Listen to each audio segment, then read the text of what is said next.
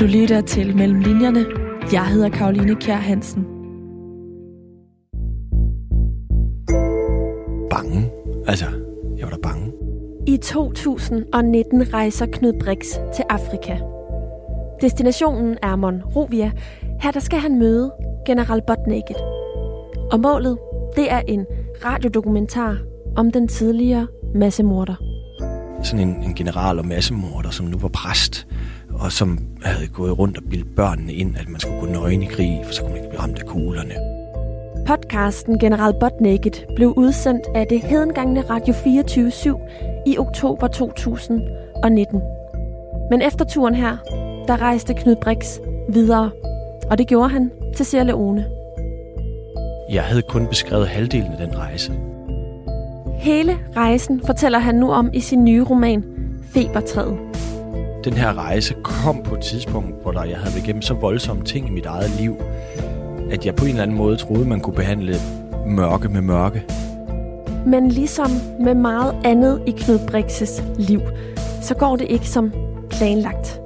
Jeg har ligesom opgivet tanken om, at jeg kan styre mit liv. Velkommen til Mellem Linjerne. Mit navn er Karoline Kjær Hansen.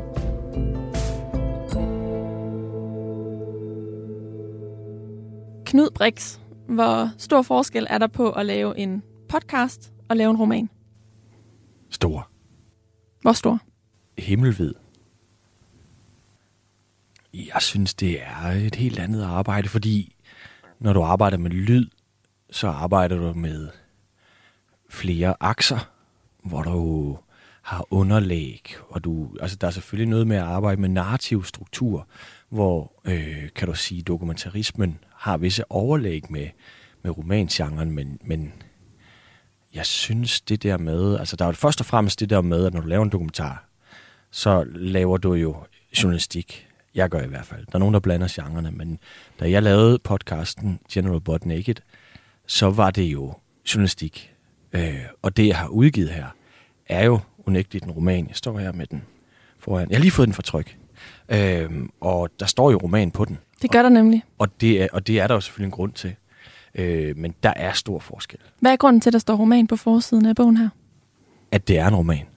Øh, forstået på den måde, at ja, jeg har på den her rejse, jeg var på, brugt visse elementer til at lave journalistik. Jeg har lavet den her dokumentarserie på 24-7, som var noget af det sidste. Den udkom på den aller sidste dag, hvor 24-7 gik ned i flammer. 31. oktober 2019. ja, og så har jeg, øh, så har jeg udgivet visse ting i Weekendavisen. Lavet et essay, som indeholder visse elementer. Men derfra til at skulle hugge en roman ud af den store sorte blok, er der fandme også et stykke vej, skulle jeg hilse at sige. Fordi du jo skal arbejde med narrativer og øh, karakterer. Og så var der også, kan du sige, for mig hele det element, at jeg havde kun beskrevet halvdelen af den rejse. Øh, men det var sådan en form for blæsebælg, øh, hvor du ligesom puster og suger og puster og suger for at holde flammen. De to, både i de to krige, der var i Liberia og Sierra Leone, hvor bogen foregår, men jo også for mig på den rejse, fordi jeg havde behandlet halvdelen af stoffet, kan du sige, men var ret hurtigt klar over, at hvis jeg skulle forstå, hvad fanden det var, jeg havde været udsat for, så skulle jeg gestalte det på en anden måde end via journalistikken. Der var ikke altså, jeg skrev ikke med, med, med den viden om, at det skulle være en roman. Jeg skrev den med, med den viden om, at det skulle være et værk, og at jeg egentlig, det kan du jo høre om mere, men altså, jeg havde ikke sådan sat mig ned og sagt, nu skal du skrive en roman. Jeg vidste bare, der var noget, der skulle presses ud, øh, for at jeg, det har altid været min metode at presse ting ud, og så se, hvad der kommer ud, og så rode i det, og så se, om det passer til en, til en dokumentar, eller et essay, eller her var det så en roman, der ville ud. Og det er jo første gang, du gør det. Febertræet, der udkommer den 16. maj, er din allerførste roman. Det er din anden bog til gengæld. De fleste kender dig nok som vært på øh, Genstart på DR, og nu ansvarshavende chefredaktør på Ekstrabladet. Ja. Og inden da som politisk journalist hos blandt andet TV2 og, og Jyllandsposten. Ja. Men i 2017, der udgav du en digtsamling med, øh, med titlen Natfolden. Dengang debuterede du altså som forfatter, og nu er det så med en roman. Ja. Og researchen til den her roman kan man jo sige både er researchrejsen til Liberia, men det er også den her rejse til Sierra Leone, som du ikke har været så meget inde på. Øhm, nogle steder. Du Nej. har været meget inde på det andet. Ja. Øh, men, øhm, men når man læser bogen, så kan det også forstås som en research i dig selv. Er det rigtigt forstået? Ja, det er sådan set et godt spørgsmål, men det er det jo. Altså, det er det der med at klemme noget ud, og så sidde rodet i det. Øh, og den her rejse kom på et tidspunkt, hvor der, jeg havde været igennem så voldsomme ting i mit eget liv, at jeg på en eller anden måde troede, man kunne behandle mørke med mørke. Øh, og det har ligesom været, kan du sige, en modus for mig, at hvis jeg er gået igennem svære ting, så har jeg rejst til Afrika eller til Asien og, du ved, øh, lavede svære historier, fordi jeg havde en idé om, at hvis jeg var følelsesløs, jamen, så kunne jeg kun føle noget gennem at nedsænke mig i et eller andet inferno.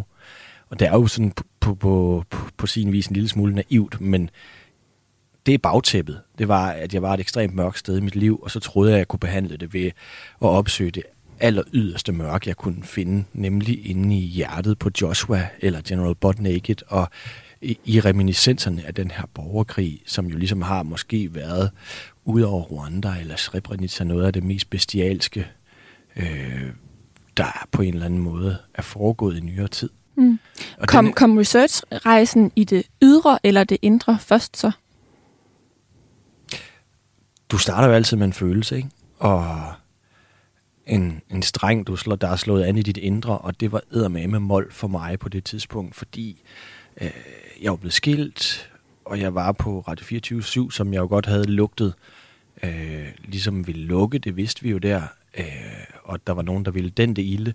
Så det var nærmest lige meget, hvor jeg trådte hen, så sank jeg ned i sådan et mosedøn i mit liv, øh, og led i en ganske særlig grad af, af selvmelidenhed og, og sorte tanker, og troede jo, at når både Radio 24 skulle slutte, og min familie var gået i opløsning, at hvad fanden var der så på en eller anden måde? Jeg, kunne, jeg følte mig i hvert fald følelsesløs. Så først bliver der slået en streng an, hvor du er følelsesløs, og så er min rygmavsreaktion, at jamen, så må jeg ned til nogen, der har det endnu værre. Mm. Eller har gået igennem noget, der er endnu værre, fordi så kan det være, at jeg kan føle noget. Det er jo voldsomt banalt, men det, det er jo nok der, det starter. Øhm. Vi vender tilbage til den her indre rejse, men i virkeligheden, så skriver du i bogen, at øh, General Botnaked hører du om første gang, da du læser øh, øh, Afrika-studier på ja. Københavns Universitet. Du ja. færdiggjorde en øh, master der i 2014. Ja. Øh, efter du havde studeret øh, til journalist, der blev du færdig i 2006. Og det er altså første gang, du hører det her navn, som jo ligesom er katalysatoren for, at du mm. tager afsted. Det kan godt være, det er det mørke, og det, ja. det, det er øh, det indre, men der er jo ligesom en destination, ja. og det er øh, Liberia, øh, ja. hvor at General Botnaked er. Vil du ikke lige prøve at tage mig og lytterne med tilbage til den gang, du sidder på Københa- Københavns Universitet og, og høre om den her mand første gang? Jo, 2014, der øh, havde jeg været politisk reporter og rendt rundt med slips og, og været pæn dreng og, og fræk dreng også, og, og havde led af sådan noget, som journalister kan lide af, akademisk mindre værd på en eller anden måde, ikke? fordi alle mine venner var øh, etnologer, eller øh, havde gået på filmskolen, eller et eller andet, som man ikke skal pakke fisk ind i dagen efter. Og øh, så havde jeg det sådan, at jeg ville fandme også på en eller anden måde gerne være akademiker. Og jeg bildte ligesom mig selv ind, at det var fordi, jeg gerne ville blive klogere, men det var sgu også lidt fordi, at øh, så var jeg sgu også, så var jeg ikke bare halvstuderet røver. Og for mig var det helt naturligt at læse Afrikastudier, fordi jeg havde rejst så meget i Afrika, og havde jo også en reel drivkraft til at forstå dybere, hvad er det, der foregår på det kontinent. Altså, folk synger jo i den der sang, ikke? Altså, landet, som alle børn kender. Hvilket jo er helt absurd, fordi det er jo et eller andet sted, er det, er det 54 lande, eller hvad fanden ved jeg, ikke?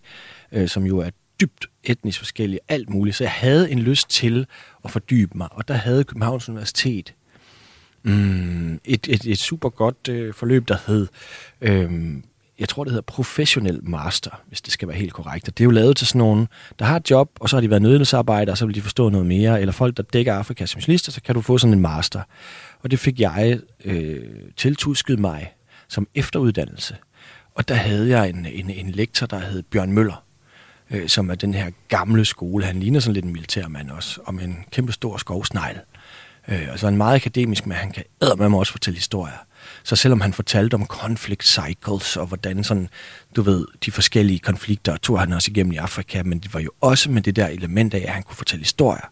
Så han fortalte om Alex La Ruera, øh, heksekvinden øh, øh, fra Lord's Resistance Army, og øh, Joseph Coney's sidekick, øh, som forheksede folk, og og der var det en dag, at han også fortalte mig, eller mig, siger jeg sådan. Jeg følte jo lidt, han bare talte, en, jeg ene, følte jo ene, lidt, han bare talte til mig. Ikke? Ja, men han, han taler til os der og fortæller os jo om den her voldsomt, øhm, hvad skal man sige om den konflikt i Liberia og Sierra Leone? Kompleks, vil jeg sige af ordet, fordi det er jo sindssygt komplekst. Og i det der kompleks, øh, om øh, Charles Taylor, om øh, Foday Sanka i, i Sierra Leone, og den der handel på tværs med diamanter, som så fodrer krigen øh, i Liberia, der fortæller han så om det der med en culture of impunity, som jo et eller andet sted er det, der kendetegner Liberia. Og den der culture of impunity betyder jo egentlig bare, at der går en masse forbrydere rundt, som aldrig er blevet straffet. Og der fortalte han så historien om General Butt Og der sidder man jo bare som journalist og slår lyttelapperne ud, ikke? fordi kunne det virkelig kunne det nærmest passe, at der havde været sådan en, en general og massemorder, som nu var præst, og som havde gået rundt og bildt børnene ind, at man skulle gå nøgen i krig, for så kunne man ikke blive ramt af kuglerne. Og så jeg bare huske, at i årene, der lærede jeg ham ligesom i hukommelsen, og bare vidste, at en eller anden dag, så var jeg være moden som journalist, eller øh, finde det rette sted. Altså, jeg kunne jo ikke lige gå ind til min chef på Christiansborg og sige, jeg vil gerne ned til en masse morder i Liberia og lave noget om ham. Eller du ved. Så jeg levede efter et sted og en tid, hvor jeg kunne tage afsted. Og der gik jeg jo så med ham i en del år i baghovedet, og jeg havde researchet på ham. Og så faldt det sammen med, at min egen verden var skvattet sammen, og at jeg tilfældigvis var på en radio, hvor man et eller andet sted også hyldede anarkiet. Og, og da jeg kom ind og lagde den der historie på bordet foran med masse brygger, så var han bare, det er jo en vidunderlig historie. Jeg har selv været i Liberia, men det har vi ikke penge til. Øh, og så sagde jeg bare sådan, det vidste jeg godt, du ville sige, så her er pengene. Og så havde jeg søgt et legat hos, et rejselegat hos Danida, øh, som man kunne få dengang. Og så, så nu er den finansieret, så kunne de jo ikke sige nej. Og så tog jeg afsted, så tror jeg endda, jeg tilbød at bruge min ferie på det, det tror jeg faktisk, jeg gjorde. Øh, så det var jo en lækker bisken for dem, at jeg kunne bare tage afsted, den var betalt, og så var der jo var det så sådan en lotterigevinst, at hvis jeg kom levende hjem, jamen, så kunne det være, der kom fed radio ud af det, ikke? Den her øh, general, general Botnaked, som også øh, får et nyt, et nyt navn, der er Joshua. Ja. Øhm, ham kommer du i kontakt med ved at skrive til ham. Slet og ret på Facebook. Ja. Skriver du i bogen? Jeg skrev, ja. Altså, jeg, hvis jeg skal være helt præcis, så tror jeg faktisk, det var Messenger. Fordi hvis du følger nogen på Facebook, og så skriver du til dem, eller trykker besked, så ryger du på Messenger. Øh, og der satte jeg mig bare ned og skrev, hej, jeg, jeg jeg ved ikke, om jeg har den originale besked længere, men det var nu bare noget i retning af, Hi, my name is Knud from Denmark. I'm a journalist. Uh, I like to come to Liberia and, and follow you for a radio program. Du ved, altså, jamen, sådan var det virkelig. Hvorfor laver du din stemme om sådan der?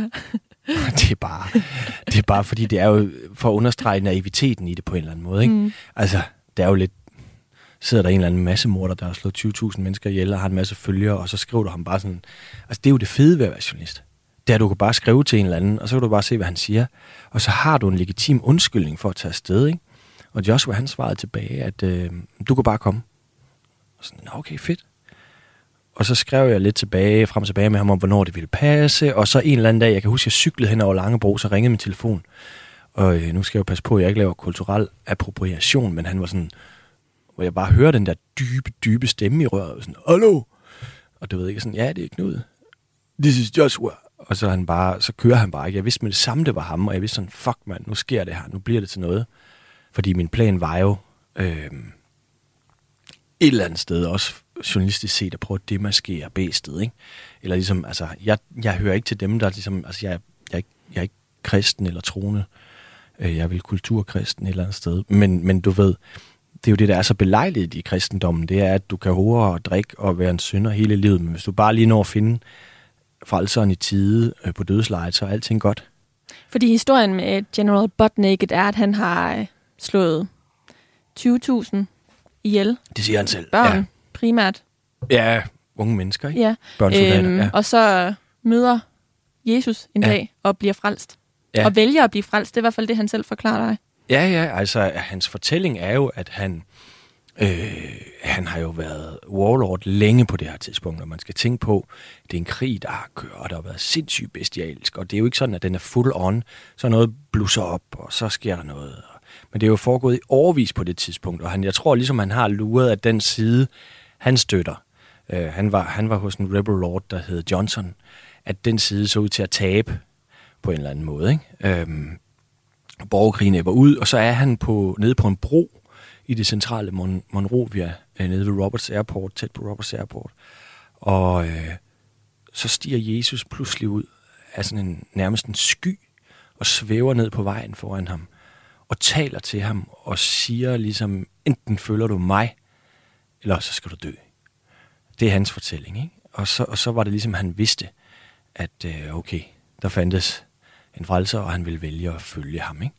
Og det er jo øh, selvfølgelig øh, tyk mytomani, øh, eller hyldet ind i... Det kan da godt være, at han har været særlig høj på kokain den dag, og har set et eller andet, men det, om det så er Jesus eller ej, det var jo ligesom det, jeg gerne ville ned og ligesom finde ud af det der med, altså, hallo, hvad er det for noget? Øh, det er meget belejligt, at du lige på øh, til allersidst i borgerkrigen øh, finder Jesus, og han taler til dig og siger, at du skal være præst nu og du kan blive øh, tilgivet. Øhm, og så tager han jo i flygtningelejr og flygter væk, fordi han har så mange ofre, at hvis han var blevet der, var han da helt klart blevet slået ihjel. Altså selv nu, mange år efter, 10 år efter, hvad det nu er, øh, var der jo folk, der er enormt vrede på ham. Altså, og nogle folk, af dem der... møder du jo også ja. øh, nede i, i Liberia, men ja. du møder jo også Joshua, øh, ja. tidligere øh, General Butt Naked. Og øh, hvem er det, du møder der? Hvad er det for en mand? Mm, ja, det er jo spørgsmålet, hvem det er, man møder med ham, fordi han, han er så mange facetteret ikke? og chancerende i hele sit væsen.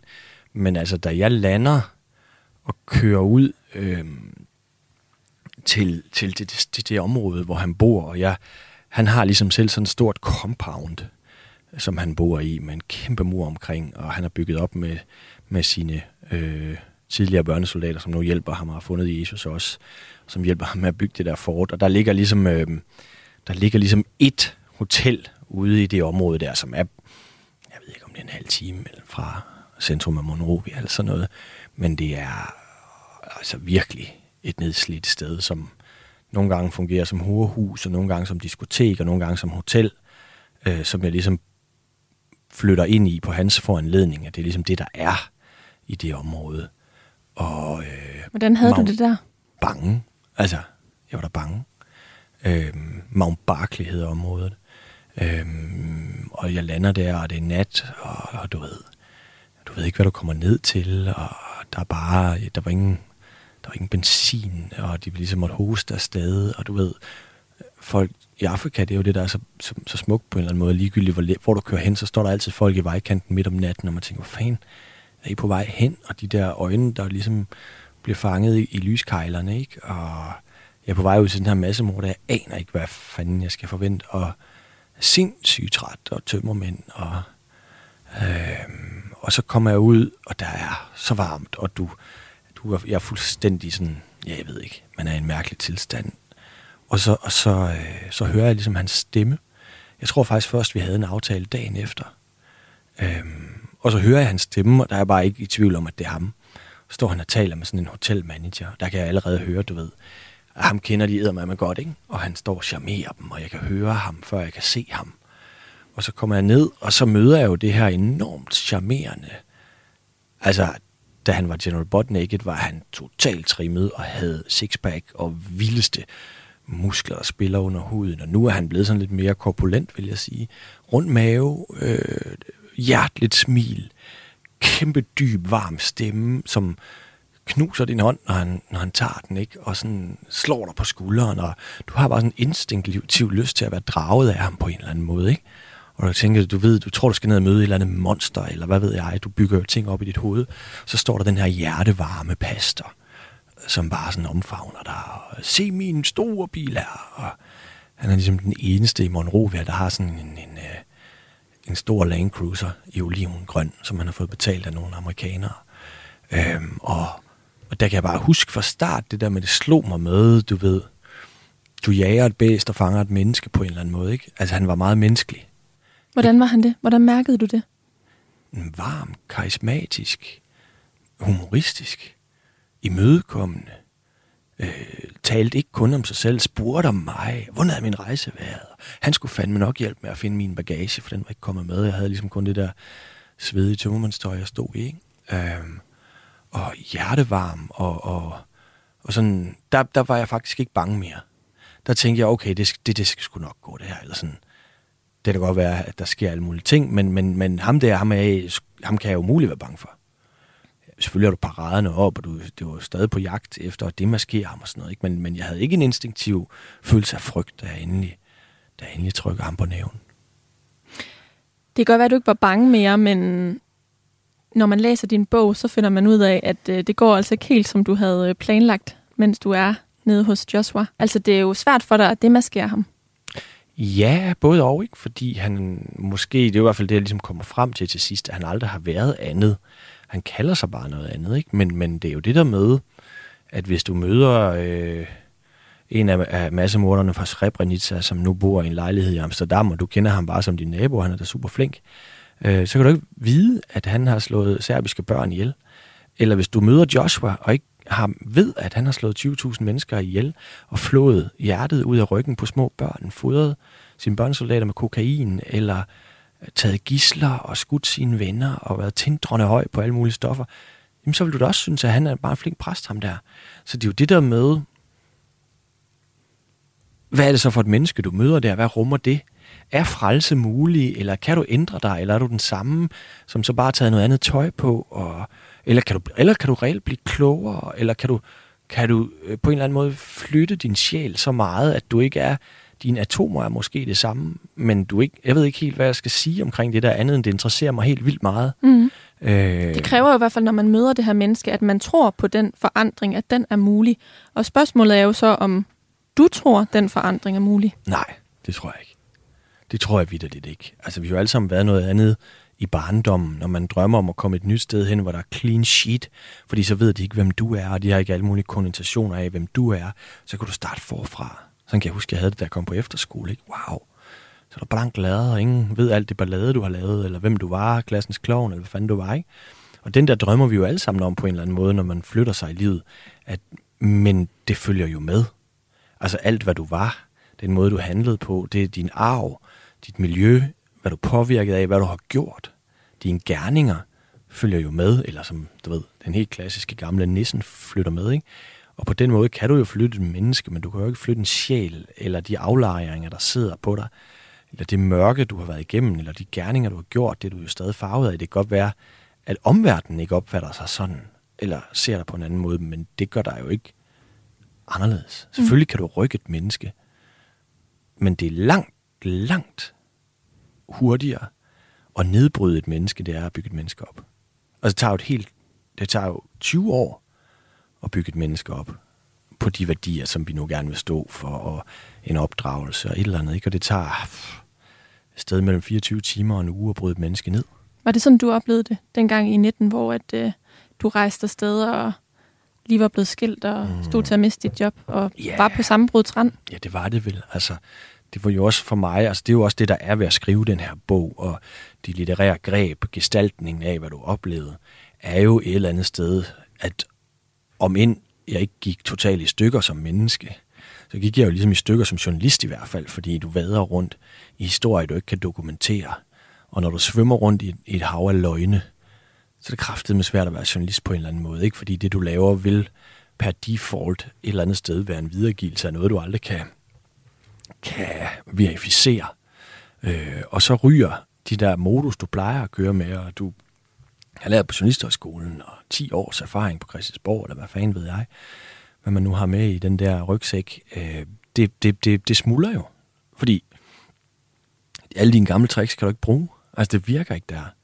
Og der gik jeg, jeg var rimelig smadret som menneske, men jeg gik i hvert fald 100% i stykker som journalist. Øh, og måtte jo ligesom erkende, at det var ikke med den overfrakke, at jeg kunne få noget ud af det der.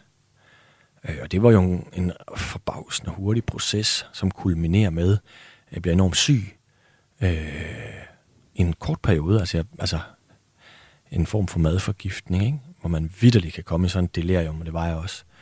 Øh, om det så var Joshua, der det skriver jeg jo også lidt om i bogen. Men om det var Joshua, der forgiftede mig bevidst eller ubevidst, men det var i hvert fald efter, at jeg havde spist hans mad. Mm. Og der sker også alle mulige underlige ting med, at han flytter ind på værelset ved siden af mig den nat, og ved, at jeg har været syg, og banker på værelsesdøren om morgenen, og ligesom siger, jeg vælter ud, og sådan, hej Joshua, hvorfor er du her? Og, og hvor han bare sådan lidt, øh, jamen, jeg sovet inde ved siden af. Og jeg sådan lidt, jamen, jeg har været syg, og I know, I know, siger han. Sådan, altså, som om, at det nærmest er ham, der har gjort det. Ikke? Jeg ved, jeg ved det ikke. Altså, det får jeg aldrig bevis for, men jeg havde en klar fornemmelse af, at han systematisk og arbejdede på at nedbryde mig på en eller anden måde, eller overvinde mig, mm. forføre mig måske et bedre ord. Og det lykkedes han jo også med. Altså, jeg blev jo et eller andet sted forført af ham i en grad, så han havde mig i sin, i sin sol til sidst, og jeg, hvor jeg sådan næsten efter en uge ikke troede på, at jeg kunne komme væk eller hjem, eller øh, selvom han jo aldrig nogensinde låste en dør for mig, men så var det bare den der fornemmelse af, at jeg forstår lidt bedre måske efter at have skrevet den bog, hvordan folk kan blive suget ind i en kult. Og jeg kørte rundt i den der malmstrøm, hvor der kører rundt i badekarret op for oven, og så snæver den ned i den der tornado, og, og når du er helt nede, så ryger du altså med ud øh, i det der drænrør, ikke? Og hvor jeg havde den der fornemmelse af at køre rundt op i toppen, og hvor det på sådan en mystisk vis lykkedes mig at blive katapulteret ud til, til sidst, uden at blive suget ned.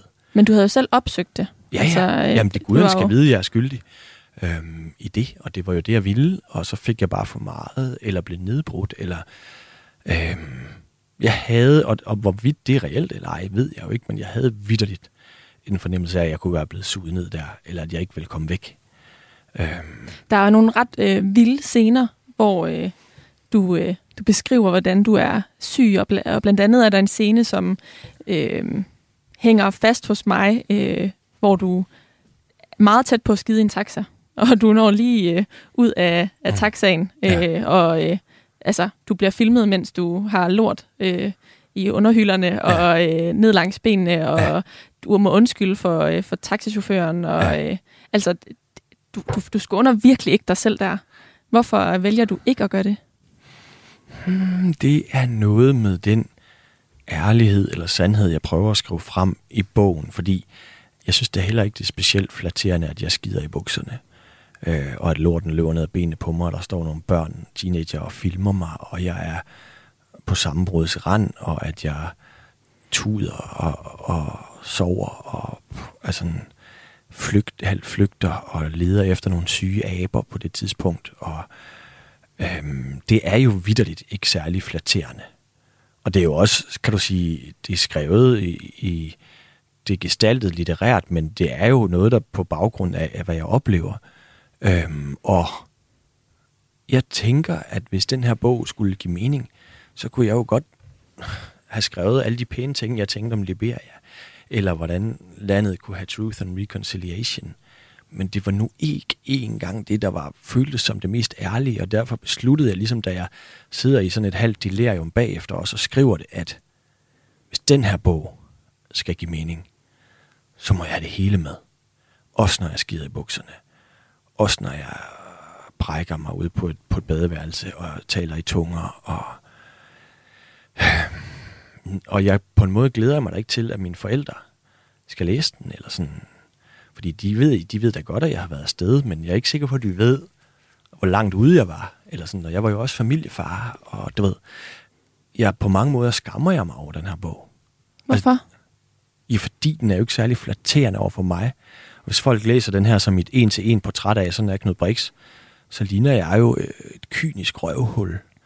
Øh, og jeg har på en eller anden måde destilleret de der mørke tanker, og så skrevet dem ud. Men den her bog er jo ikke en repræsentation af, hvem jeg er. Den er jo heldigvis slet heller ikke der, hvor jeg er i mit liv. Og derfor har jeg også, når jeg læser det nu, har jeg dels sådan en følelse af skam forbundet med det, fordi var det virkelig mig? Ja, det var det. Øh, var jeg virkelig? Ja, det var jeg. Åh, oh, fuck, så husker jeg. Øh, og så kommer følelsen af, øh, og jeg står en myrekryb. Er det nu, ikke? Altså, at sådan, var det vidderligt mig? Ja, det var en periode i mit liv. Mm. Og det repræsenterer den bog. Men heldigvis er jeg jo et meget lysere sted, hvor jeg... Øh, så sker der jo det, at man tror, at livet er slut, og så har jeg mødt Mathilde. Og, og, Som bogen gen- er dedikeret til? Ja, og, og og genfundet øh, en kæmpe kærlighed, og, og vi har fået et lille barn, og, Og det er jo også det skøre ved det der med, det er jo, at, at, at, at man tror, at ting er skæbnebestemt, eller at du selv kan styre, at, øh, hvor du vil hen. Men det kan du jo ikke, og jeg har en tit en fornemmelse af at være sådan et stykke drivtømmer, som flyder rundt, og så har du et mørkt sted, og nu er jeg et lyst sted. Og hov, så lige pludselig, så gik man fra at være radiovært til, til at være chefredaktør på Ekstrabladet. Det havde jeg heller ikke set, hvis du havde spurgt mig, da jeg var nede og besøgte General Butt Naked, og sagt, hey Knud, øh, take it easy man, om, om tre år, fire år, så har du fundet en kæmpe kærlighed, du har fået et barn, og så er du chefredaktør på Ekstrabladet. Altså, jeg vil... En lønseddel, som alle gerne vil kende svaret på. ja, den vej må du gerne prøve at gå. Det vil jeg ikke. Det er bare hvis du paradoxalt. Det, hvis du synes, det er det, det mest interessante ved.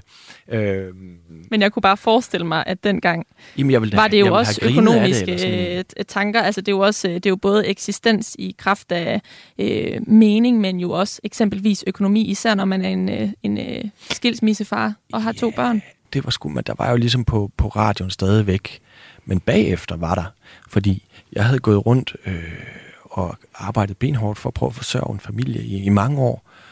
Og været lidt misundelig på de der folk af mine venner, som var forfattere eller filmfolk, som kunne bruge tre måneder med tuareggerne i, øh, i Mauritanien, eller tage til, hvad ved jeg, ikke? og gøre et eller andet kæmpe. Det kunne jeg ligesom ikke, for jeg slavede den på Christiansborg og skulle hive en, en fast månedsløn hjem, og så da Radio 24 går ned, og jeg pludselig får mulighed for at skrive en bog, og du ved, ja, vi, man fik sådan noget løn med, øh, på en eller anden måde, sådan noget bonus, ikke? Som hvis den lukkede, så ville man få en bonus, fordi det, da de er ligesom skulle derover, så tror jeg, det var et eller andet, man blev viftet om næsen med, at hvis du kommer herover på det her lidt usikre skib, så kan du få en bonus. Så jeg havde jo nogle penge, så det var ikke, fordi jeg manglede penge. Og jeg havde lige pludselig frihed. Jeg kunne skrive den her bog. Jeg gik i gang med et stort radioprojekt om, hvorfor kan jeg lige at slå ihjel, og det blev til sådan en, en, en, en serie, der hedder En hæslig jæger, hvor jeg prøver at undersøge det der. Så det var jo pludselig fik jeg al den frihed, jeg havde drømt om, men jeg kunne slet ikke administrere det. Og jeg kom til at sidde hjemme i min villalejlighed på Amager i underbukser og blive mærkelig. Fordi, hvad fuck skal du gøre med al den frihed, du lige pludselig får, ikke? Øhm, og du har drømt om det i 10 år, nu er den der, så jeg kunne slet ikke finde ud af det. Og jeg kunne godt, jeg gik jeg i gang med at sidde og skrive på den her bog, og det, det kunne jeg sådan set godt finde ud af. Men jeg tror ikke, at jeg ville være blevet en god freelancer, fordi jeg skulle piske mig selv, og det eneste, jeg tænkte på, det var netop det der med, hvordan betaler du den næste regning? Kan du så betale for ungernes dit eller dat? Hvor jeg jo et eller andet sted måske bare havde været lønslave i enormt lang tid. Så jeg fandt ud af der, at hvis den måde, jeg skal skrive bøger på, øh, skal jo være, skal jo være at stå op klokken 5 om morgenen, inden, mens familien stadig sover. Og det er tyst, og du lister ned, og det er kun lige hunden, der siger godmorgen til dig. Ikke? Og så laver du en kop kaffe og åbner for den der blå skærm, og så kan du skrive. Og så skriver du til klokken 7 til den yngste vågner, og 10 år 7 vågner den næste og så går du og smører du madpakker, og så går du på arbejde. Øh, så jeg har, og det kan da også være, at jeg skulle have givet det en, en, en, et bedre skud, eller jeg var et sort sted i mit liv, så jeg ikke kunne finde ud af det, men jeg havde sådan en instinktiv fornemmelse af, at hvis jeg skal skrive nogle flere bøger, så skal det være ved siden af. Og det er selvfølgelig vanskeligt nu, hvor man ligesom er chefredaktør. Og har en, en lille barn. Og har et lille barn. Udover to, ja. lidt ældre. Ja. Men, øhm, men Knud Brix, øhm, vi har en rejse til Sierra Leone, vi også skal øh, vende. Inden da, så vil jeg dog lige høre dig. Du har det virkelig skidt. Det fornemmer man også som læser. Du, øh, mm. du, du, du, du skriver ikke særlig pænt om dig selv. Du kalder dig selv for ansvarsløs, for fordomsfuld. Mm. Øhm, du kritiserer din egen stemme, som jeg er med 99% sikkerhed kan sige, at mange danskere elsker, efter du blev genstartvært. Ja, og, øh, den lyder bare ikke på samme måde ind i mit hoved. men, men det er virkelig vrangsiden af dig, ja, øh, man ja, ser. Og, og du skriver jo i begyndelsen, at du står, at der, det er den her skilsmisse, der ligesom er roden til dig, og job, øh, jobbet, du står til at, ja. at miste. Men du kommer aldrig helt nærmere, hvad det er, der er sket, hvad det er, der gør, at du har det så skidt. Mm. Du, du kredser om det, og ja. du beskriver, hvordan du har det skidt, men du skriver ikke konkret, hvorfor du har det skidt. Udover at du skriver en skilsmisse. Hvorfor vælger du ikke at øh, komme nærmere ind på det, når det nu var ærligheden, du øh, søgte at skrive frem? Det, det er der flere grunde til.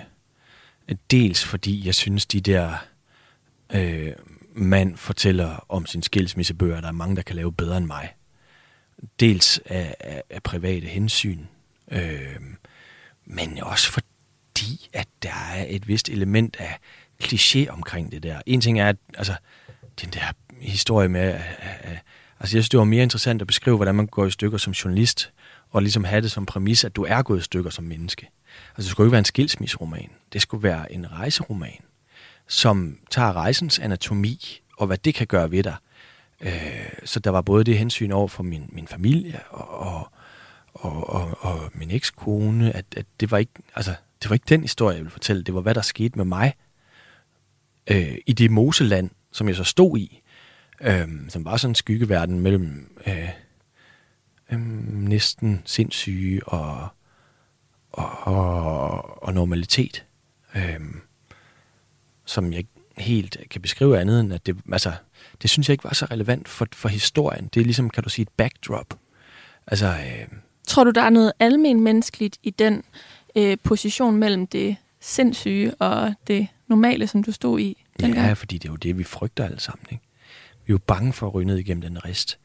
Jeg kan forstå da godt de der mænd, som ryger igennem risten, når de bliver skilt, når man har prøvet det. Eller jeg forstår godt, hvis folk bliver invalideret. Og, altså det er det, jeg siger med, at du tror, du skal et eller andet, og så sker der noget andet i livet. Så kan du prøve at styre det nok så meget og minimere risiko, men og så bliver du kørt ned, og så skal du sidde i kørestol, og hvad så det? Så skal du leve med det, så kan du lave en bog om det. Eller, jeg har ligesom opgivet tanken om, at jeg kan styre mit liv. Men du det skulle er jo blive, det samme. Du skulle blive øh, knap 40, før du øh, erkendte det. Ja, på en måde, ja. Jeg har late bloomer på mange ting, ikke? Altså, øh, øh, jeg var sent udviklet på alle mulige måder. Øh, også i forhold til, hvad jeg mener om ting, eller... Altså, jeg tror måske, jeg altså, var, om ikke porøs som menneske, så i forhold til ens sjæl, eller hvor du står omkring ting, var jeg ikke så rodfæstet, fordi så, jeg ved ikke, om du kender det, men så kan du være sammen med nogle forfattere, der mener et, og så, wow, så synes du det er helt rigtigt, eller så er du sammen med journalister, der er benhårde og mener noget andet, eller inde på Christiansborg, så tænkte jeg, nej, det er sgu da også meget rigtigt, eller sådan, jeg vil sige, at, at jeg var påvirkeligt som menneske, og, og ja, der tror jeg, da, jeg har været op omkring en, en, en midt 30'erne, altså der sker jo noget, når du får børn, ikke? Men ellers så i midt 30'erne, før jeg ligesom, jeg kørte med den der objektive journalistik og skrev rasende læserbreve om, at, at man ligesom ikke måtte være subjektiv i, i journalistikken til, at jeg det smuldrede for mig selv, og jeg var nødt til at være det. Altså, kunne du ikke se, at jeg skulle have skrevet den her bog, uden at måtte bruge mig selv, eller bare sådan, det var jo blevet røvsygt. Øh, og det var blandt andet noget af det, Radio 7 gjorde for mig, det var at frisætte mig, og digtsamlingen også, i forhold til, at, at hvis det, jeg var simpelthen kørt sur som nyhedsjournalist og, og hvad det nu, der var ikke mere for mig. Og, og hvis jeg skulle finde en vej ud af noget som helst, så måtte det være at bruge mig selv. Både min skrift og i, i det radio, jeg har lavet, og øh, ja, hvis jeg nogensinde skriver noget mere, så må det jo være, at altså, jeg bliver nødt til at dykke, dykke ind hvor, hvor, hvor, i mig selv, og de hvor bruger mig selv, og giver mig selv, også selvom det er grimt. Er det derfor, du er øh, ansvarshavende chefredaktør lige nu, og ikke journalist på eksempelvis øh, Ekstrabladet, hvor det jo ellers er benhårdt mm. nyhedsjournalistik? Nej, det tror jeg i princippet godt, jeg kunne have været. Men jeg tror ikke, jeg kunne have udviklet mig. Jeg tror ikke, jeg var blevet lige så god til dem, som nogle af de journalister, vi har, som har et andet drive. Altså, jeg havde mistet det der øh, nyheds... Altså, det var mest på TV2, kan du sige. Jeg var kørt totalt i muren, ikke? Øh, øh, så øh, jeg er jo også typen, der der var færdig med at lære at lave avis, jamen så ville jeg lære at lave fjernsyn. Og så ville jeg lære at lave radio, fordi jeg skal helst på en eller anden måde have. Og nu interesserer mig det mig enormt meget, hvorfor folk gør, som de gør i ledelse og sådan nogle ting. Øhm, så jeg skal gerne som menneske have noget nyt at rive i, hvor der ligesom ved, altså det der, det kan jeg godt. Eller sådan, der bliver måske lidt hurtigt, øhm, ja, bare sådan Altså, jeg, jeg har et element af restløshed, som, og man, man bliver bedre til at kontrollere, når man bliver ældre, ikke? Men øh, at du ikke giver efter på enhver impuls, der kommer. Øh, øh, men jeg er da et restløst menneske på mange måder. Restløsheden fornemmer man også, øh, da du øh, undslipper øh, Liberia og rejser videre. Ja. Hvorfor er det, du rejser videre og ikke rejser tilbage til Danmark? Hmm, det var der også flere grunde til dels, at de der to krige jo hænger sammen. Øh, at man finder diamanterne i, i, i, i Sierra Leone, løber over grænsen til Liberia, hvor Charles Taylor så solgte dem og fik våben, og man tændte en anden vej tilbage. Så det var det der blæsebæl, jeg talte om på en eller anden måde, ikke? Som, som blev ved med at puste ind i krigens gløder. Øhm, så jeg vidste, at jeg ligesom skulle derhen for at kunne lave en fuld historie, men det er jo også sådan noget, du, du siger til dig selv. Der var også det element i det, at jeg skulle ned og, og, og, og opsøge en kvinde, som jeg på det tidspunkt synes var, det synes jeg stadig er, er interessant, og, og øh, den her kvinde, som, som driver en fodbold-NGO. Cecilie hedder hun. Ja, hun så Cecilie. Øhm, og, og, og boede der i Freetown, øh, i hvert fald på store stræk af året, og ligesom kørte den her NGO for, for primært for, for, for, for børn i slummen og for, for, for handicappede, og køre en, en organisation, der hedder FANT, Football for New Tomorrow. Og, og det var jo det, så havde jeg talt med hende, og jeg havde en idé om, at jeg skulle rejse over land fra Liberia til Sierra Leone, og der kunne jeg godt se, at det ville fandme, altså i forhold til, hvordan vejene er, det var regntid, og det ville ikke du. Så jeg sætter mig op i en flyver jo, og flyver fra, fra Monrovia til, til Freetown. Øhm, og det, der jo så også var sket, var, at jeg havde øhm, øh, lavet en aftale med en dansk digter.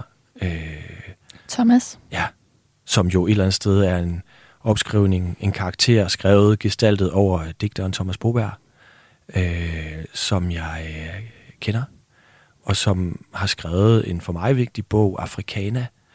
Øh, der er meget afrikalitteratur, også dansk afrikalitteratur. Thomas' bog var vigtig for mig, og ja, han var en, jeg havde læst hele livet. Både hans digte og især hans, hans rejseberetninger fra Sydamerika havde betydet meget for mig, og så havde jeg lært ham at kende. Og han var så ligesom heller ikke færdig med Afrika. Han kørte på noget benzin efter den der sidste store afrikanerbog. Øh, og da, han, da jeg møder ham og fortæller ham, at jeg skal ned til General Butt Naked, var han sådan, der vil jeg gerne med.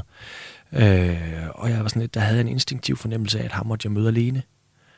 Øh, men så sagde jeg til ham, jeg tror, jeg tager videre til Sierra Leone bagefter, men det vil han også gerne. Så, og det var jo svært misundeligt for mig, at Thomas er jo typen, der så gør det ordentligt, og tager en måned dernede, hvor jeg jo kun havde ikke så mange dage i, i Sierra Leone.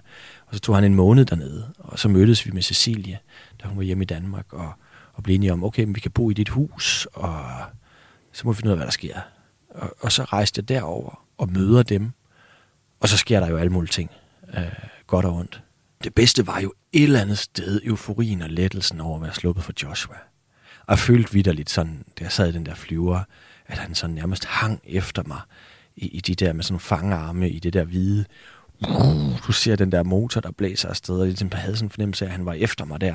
Og var sådan lidt, fuck man, du slipper. Altså den der eufori over at være sluppet, farvede helt klart min tur i Sierra Leone. Så mm. der var sådan en lettelse. Og så det der med, efter at have været nedsunket med børnemorder og narkomaner og Joshua i en uge, og så møde en højt begavet digter og en, en skøn kvinde, som kører en NGO, og som begge to er danskere, og selvom det lyder sådan voldsomt øh, hjemstavnsagtigt, så var det bare en lettelse.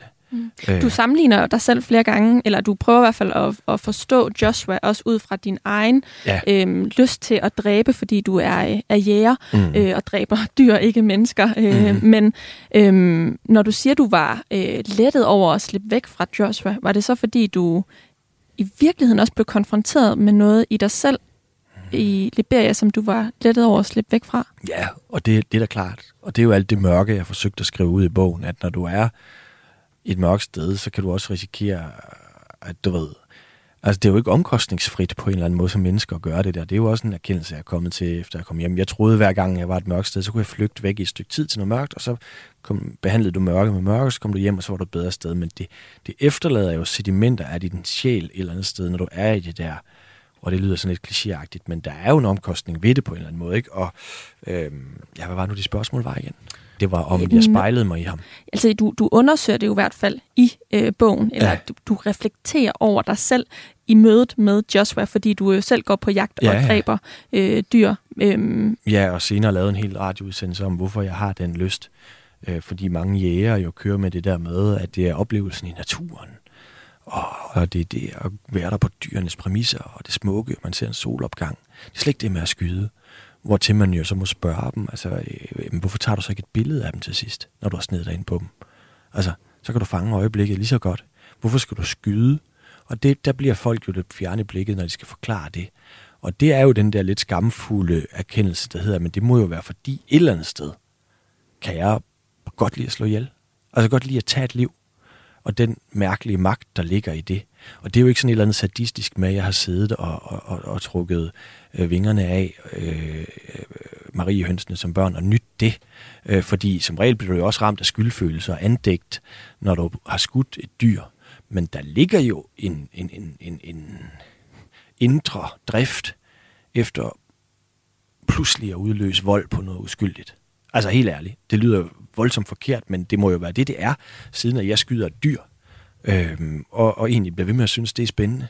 Og det er det samme, som Joshua har gjort i, eller General Butt Naked, som han hed dengang, med, ja. med uskyldige barn. Ja, og det er jo så det, der ligesom må være refleksionen. Det er, altså du ved, i det gamle testamente, hvor Gud giver os at herske over jorden og dyrene, får vi jo ligesom filosofisk retten til at herske over dyrene, og det kan vi ligesom, det kan vi forklare, hvor man jo også bare nogle gange tænker, du ved, øh, min gode ven Janus Metz har lavet Armadillo-filmen, ikke?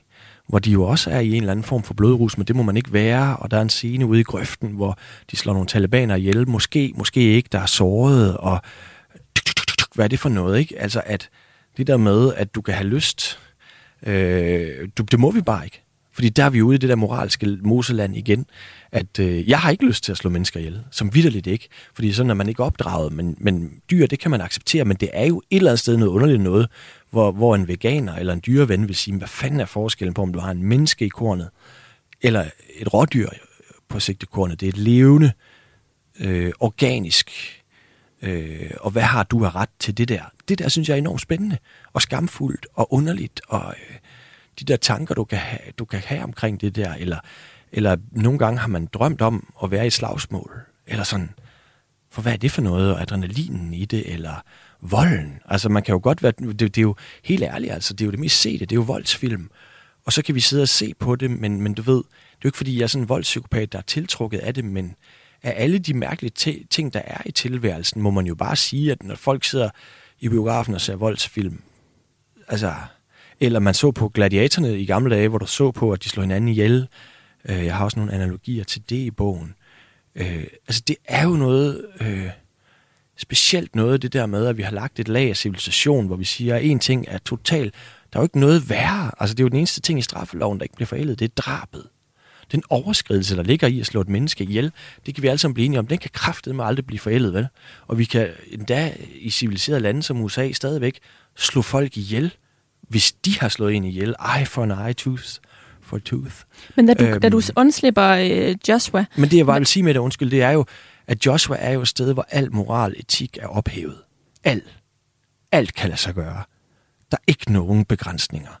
Og hvad er det så for et bedst, du slipper ud? Altså, det er jo det, der er det spændende for mig.